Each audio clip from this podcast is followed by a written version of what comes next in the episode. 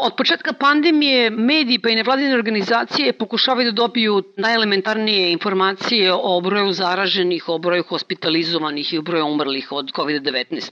Vi ste, Zorice, to pokušavali u vašem gradu Nišu. Tražili ste, dakle, informacije i od kliničkog centra, ali i od javnog komunalnog preduzeća Gorica koje se bavi pogrebnim uslugama. Obraćali ste se i povereniku za informacije od javnog značaja i po tome što sam mogla da pratim, veoma je paradigmatično ponašanje državnih institucija u ovom slučaju. COVID će i proći jednog časa, ali se bojim da ovo što može da se vidi o sistemu na osnovu ovoga što ste vi pokušavali -hmm. je nešto što je dugoročan, strašan problem ove države slažem se sa vašom ocenom. Ja sam još početkom maja ove godine kao novinarka zatražila od uprave kliničkog centra podatke o umrlim, testiranim i hospitalizovanim pacijentima i sa potvrđenim i sa suspektnim koronavirusom i to za period od prva dva meseca epidemije, pošto znamo da u to vreme nije bilo dovoljno testova, uprkos drugačijim tvrdnjama zdravstvenih vlasti, tražila sam dakle i podatke za pacijente koji su, na primer, i umrli na respiratoru, a prethodno nisu bili testirani. Naravno nisam dobila odgovor od uprave kliničkog centra koja je u prva tri meseca uporno ćutala o svemu što se dešava unutar nje i uputila sam žalbu povereniku za informacije od javnog značaja koji je nakon toga doneo tri odluke u moju korist.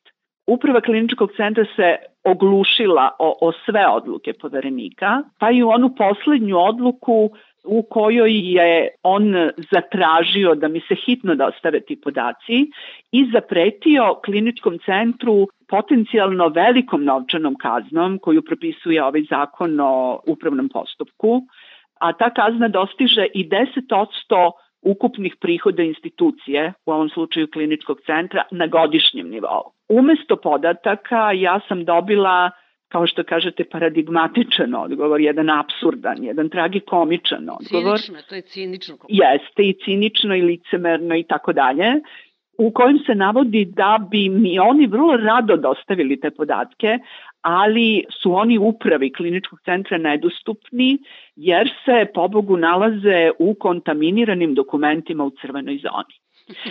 Oni će sve to meni da dostave kada ta dokumentacija bude skladištena u zelenim zonama i nakon toga poverenik je od vlade Srbije, a to je bilo negde prošle sedmice, zatražio da ona neposrednom prinudom obezbedi da mi klinički centar dostavi ove podatke.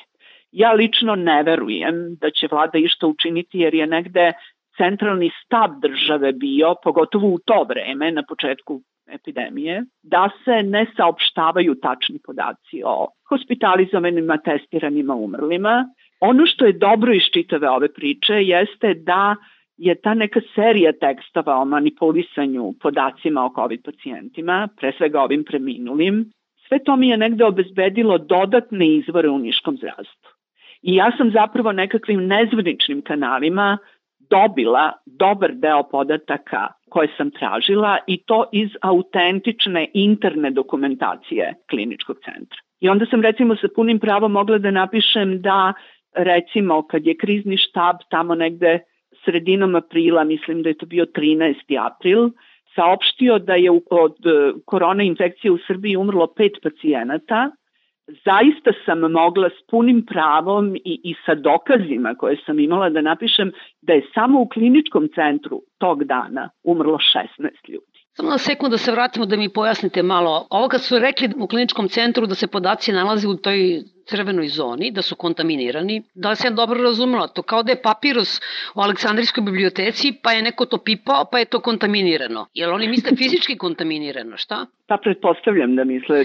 Verujte mi, ja sam to čitala dva, tri puta čisto da vidim šta, šta je pisac hteo da kaže pretpostavljam da je to taj neki pristup, da tako kažem. Znači, postoje papiri koji su tamo negde u crvenoj zoni, niko ne sme da uđe u tu crvenu zonu jer je sve to kontaminirano, ne smeju to da iznesu u zelenu zonu jer će da kontaminiraju zelenu zonu. Dakle, to je taj neki papirus, ovo nije 21. vek, ovo nije treći milenijum, ovo nije elektronsko doba, oni nemaju elektronsku evidenciju, mada su sami na jednoj od redkih konferencija za novinare tamo negde početkom juna rekli da svakodnevno lekari kliničari elektronskim putem dakle dostavljaju centralnoj bazi podataka pri Ministarstvu zdravlja sve informacije o hospitalizovanima, testiranima i umrli. Tu i određenu ulogu ima i Ministarstvo financija, odnosno Uprava za trezor. I oni su da. nešto tu objašnjavali da. da ne mogu otprilike da kazne klinički centar. Da, po zakonu poverenik za informacije od javnog značaja ima pravo da sam odredi novčani iznos kazne za instituciju koja uskraćuje informacije, u ovom slučaju za klinički centar Niš. I aktuelni poverenik je to probao da uradi i da bi mogao da izrekne novčanu kaznu, odio od Ministarstva financija, odnosno Uprave za trezor, tražio podatke o ukupnom godišnjem prihodu kliničkog centra Niš, na osnovu koga će odrezati tu neku novčanu kaznu. Od Ministarstva financija, odnosno od te uprave, dobio odgovor da oni ne poseduju podatke o ukupnim godišnjim prihodima kliničkog centra Niš, ajde što je to samo po sebi absurdno. Da. Još absurdnije je to da to nije ni prvi ni poslednji odgovor te vrste. Standardno se u praksi dešava, i to je gospodin Šabi sa kojim sam razgovarala na tu temu, rekao da je to bilo dakle i u, uslovno rečeno u njegovo vreme, Standardno se dakle dešava da poverenik dobije ovakav odgovor, jer pobogu u zakonu o budžetu nisu definisani ukupni prihodi institucije, već samo ukupni rashodi. To je ono, jedan nedostatak u zakonima koje institucije koriste kako bi vam uskratile informacije od javnog značaja koje tražite. Pa da, ali to je još jedan od primera koji dokazuju tu tezu, čini mi se da su te praznine namerno napravljene, da je to organizovani haos, posle koga oni mogu da se pozivaju na nedostatke u zakonu.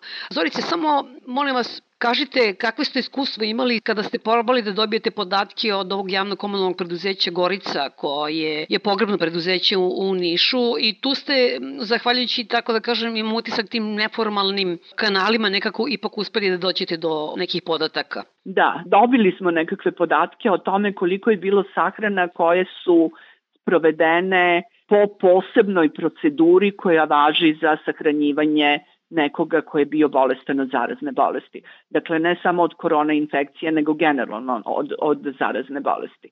U prvih meseca i po dana prema spisku koji smo dobili, internom, njihovom, bilo je 330 takvih sahrana. Ja sam naravno želela da dobijem tu neku zvaničnu potvrdu, pa sam se obratila javnom komunalnom preduzeću Gorica.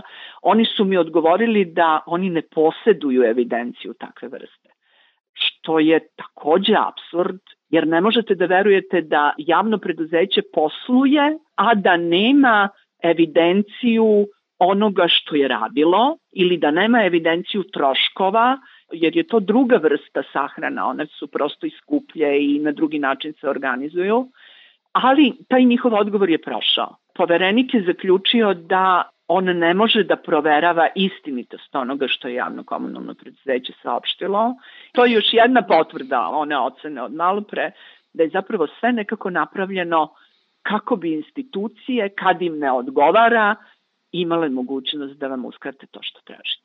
Početkom pandemije je bilo ono protestno pismo jednog dela zaposlenih u kliničkom centru koji su navodili šta sve nedostaje da bi oni mm -hmm. mogli da obavljaju elementarno svoje poslove. Sa raznih strana smo dobijali informacije da u kliničkom centru Niš, pogotovo na početku epidemije, tamo negde mart-april, postoji veliki haos. Jedna je bila klinika o kojoj govorite, to je klinika za infektivne bolesti u kliničkom centru. Ona je tamo negde sredinom juna uputila dopis i predsedniku Srbije i državnom vrhu i u tom dopisu ukazala na brojne probleme u radu, recimo na nedostatak osnovne opreme, poput e, tog nekog centralnog razvoda kiseonika, nedostatak e, respirator kreveta, manjak lekara specijalista. Klinički centar Niš e, je to demantovao zapravo je demantovao direktor klinike koji jedini nije potpisao ovaj dopis predsedniku Srbije. Međutim, tu ništa nije ozbiljno demantovano, već su potvrđeni navodi iz ovog pisma. Nakon toga se desilo da je klinika za infektivne bolesti delimično renovirana, odnosno na jednom spratu je uveden taj centralni razvod kiselnika, gasova, što je negde indirektno potvrda zapravo da su lekari govorili istinu. Drugi dopis državnom vrhu, odnosno predsedniku Srbije, premijerki i tako dalje, bio je sa klinike za pulmologiju Ničke. U tom dopisu je direktorka klinike rekla da ta klinika više ne može da radi u COVID sistemu, jer ako nastavi da radi, to je takođe bilo sredinom juna, više neće biti u stanju da zbrinjava svoje primarne pacijente, znači plućne bolesnike sa juga Srbije, a, a ne zaboravimo da, da kliničkom centru Niš gravitira oko 2,5 miliona ljudi. Ona je u tom pismu upozorila da će biti ugroženo i lečenje onkoloških pacijenata i posledica tog dopisa je bila da je direktorka smenjena. Kada pominjete Zorice direktore, samo da podsjetim i posetioce našeg sajta, direktor recimo kliničkog centra Niš, vi ste tu imali premetačinu, je li tako? To je čovek da, da. za koga su zaposleni navodili da je u vreme pandemije bio stalno na bolovanju nešto. On je kažnjen tako što je unapređen zapravo državnog sekretara. Da, da. A vaš bivši gradonačelnik je postao sada direktor kliničkog centra. Da, da. Da se vratimo samo na kratko na bivšeg direktora Radovanovića, ali i tako beše, sam ja... Zoran Radovanović, tako je, da. da. dobro. Da li je to bilo koliko toliko provereno da je on bio na bolovanju, da nije bio na poslu kada je bilo najvažnije i da je čak tužio sobstvenu instituciju? Da, da, sve je to tačno. On je na samom početku epidemije zbog srčanih problema bio kratko hospitalizovan, a posle toga otišao na bolovanje i nije se vraćao zapravo do dan danas. Takođe je tačno da je tužio sam sebe ili ti instituciju na čijem je čelu kako bi se isplatile te neke dnevnice koje se duguju.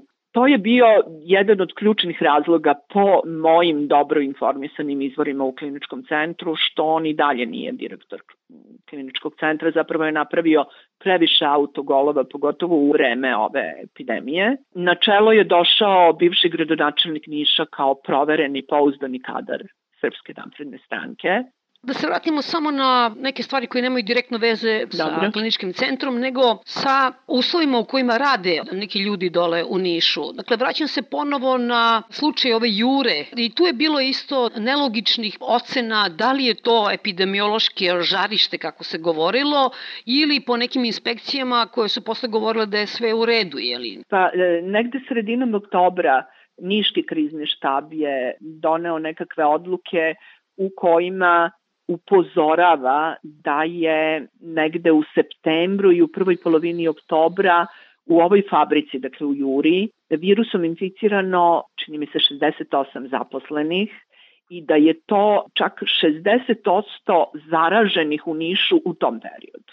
Radnici u Juri su govorili zapravo da rade u tri smene, da nema propisane fizičke distance, koje u ostalom zbog procesa rada nije ni moguće u toj fabrici, da su poseban problem fabrički autobusi koji prevoze radnike na posao i u kojima je ogromna gužva, jer uz radnike koji sede još dvadesetak njih stoji, da su se zaposleni sami snalazili za zaštitne maske, pošto im je kompanija od početka epidemije dala samo šest pamučnih maski sada im samo na ulazu u fabriku malo isprskaju ruke, da im više ne mere ni temperaturu i tako dalje. Dakle, negde su Niški krizni štab i radnici, odnosno zaposleni u toj fabrici, pa i predstavnici jedinog sindikata koji tamo postoji, a to je sindikat Sloga, govorili iste stvari o situaciji u toj fabrici. Međutim, država ima o tome potpuno drugačiju predstavu. U to vreme je Niška inspekcija rada zajedno sa sanitarnom inspekcijom i epidemiolozima Niškog instituta za zaštitu zdravlja kontrolisala epidemiološku situaciju u Juri i utvrdila da ona u potpunosti poštuje epidemiološke mere, izuzev što radnicima ne meri temperaturu na ulazu u fabriku već na njihovom radnom mestu. I u tom rešenju je e, navedeno da će Juri biti naloženo da to ispravi i onda će sve manje više biti u redu. To je zvaničan odgovor koji smo mi u danasu dobili iz Ministarstva za rad, boračka i socijalna pitanja. Pritom da podsjetim, Jura je kompanija koja je tom ministarstvu u nekakvom prethodnom periodu darivala, donirala ili, ili kako već, poklonila, vozila i negde je zaključeno da to nije nikakav problem. Naravno da su posledice ekonomske ogromne i za Niš i za ljude koji tamo Jasne. rade, kao i svuda u ostalom u celom svetu. Međutim, čini mi se zanimljivim vest koju sam negde pročitala, a to je da je nova gradonačelnica Niša, gospođa Sotirovski, uh mhm. -huh. da je ona poništila neke odluke koje su već bile donete, a to je da se recimo zakupcima lokala koji su u vlasništvu grada Niša, kojima je bilo oprošteno 2-3 meseca, ali tako da ne plaćaju kiriju, da je ona prosto izbrisala tu odluku, retroaktivno da, je rekla da, to, da, to ne važi. Da. Uprkos tome što ne možete retroaktivno da. da, da odlučujete o nečijoj pravnoj situaciji i to znaju, što bi se reklo, studenti prve godine pravnog fakulteta, grad Niš je doneo takvu odluku i ti ljudi će to platiti. Obrazloženje je takođe poprilično drsko, eto prosto grad nema para, ekonomska je kriza i mi se to moramo da naplatimo. I vi protiv takve odluke zapravo ne možete ništa. Svedoci smo recimo da je obećavano i da radnici neće ostajati bez posla. A ovih dana iz austrijskog Cumtobela, koji takođe ima fabriku u Nišu, dobijamo informaciju da je za sada 30 radnika otpušteno i da će se otpuštanja nastaviti. A podsjetit ću, to je fabrika koja je dobila 8 miliona evra državnih subvencija za nova zapošljavanja radnika. Niš je bio, čini mi se, karakterističan po tome što je tamo negde do početka juna ovde vladala potpuna omerta, da tako kažem, u vezi sa informacijama o epidemiji. Ta neka cenzura je bila tolika da je recimo grupa novinara još na početku epidemije u martu uputila dopis i predsedniku i premijerki Srbije u kojima traže da oni u okviru svojih ovlašćenja prosto nateraju upravu kliničkog centra da saopštava ove podatke od javnog značaja. Situacija se tu nešto malo popravila, ali kako to nije bilo u dovoljnoj meri, grupa kolega je početkom jula uputila dopis upravi kliničkog centra u kojem smo najavili da ćemo sledećeg dana u određeno vreme doći u upravu i razgovarati o rešenju ovog problema, odnosno uskraćivanja informacije. Odmah nakon što smo poslali dopis, Uprava je zakazala prvu konferenciju za medije od početka epidemije i tada je zapravo postala nešto otvorenija za sredstva informisanja, a na sajtu kliničkog centra počeli su da se saopštavaju prvi put, dakle tamo početkom jula, i podaci o preminulim pacijentima, a ne samo puki broj hospitalizovanih pacijenata kod kojih je potvrđen virus. To je jedna od, ako mogu tako da kažem, svetlih tačaka. Prosto su neki novinari ovde bili solidarni, izvršili pritisak na te neke zdravstvene vlasti, malo pomerili stvari, ne previše i ne sistemski, ali eto nešto smo, čini mi se, postigli. Hvala vam puno na razgovoru. Hvala vam.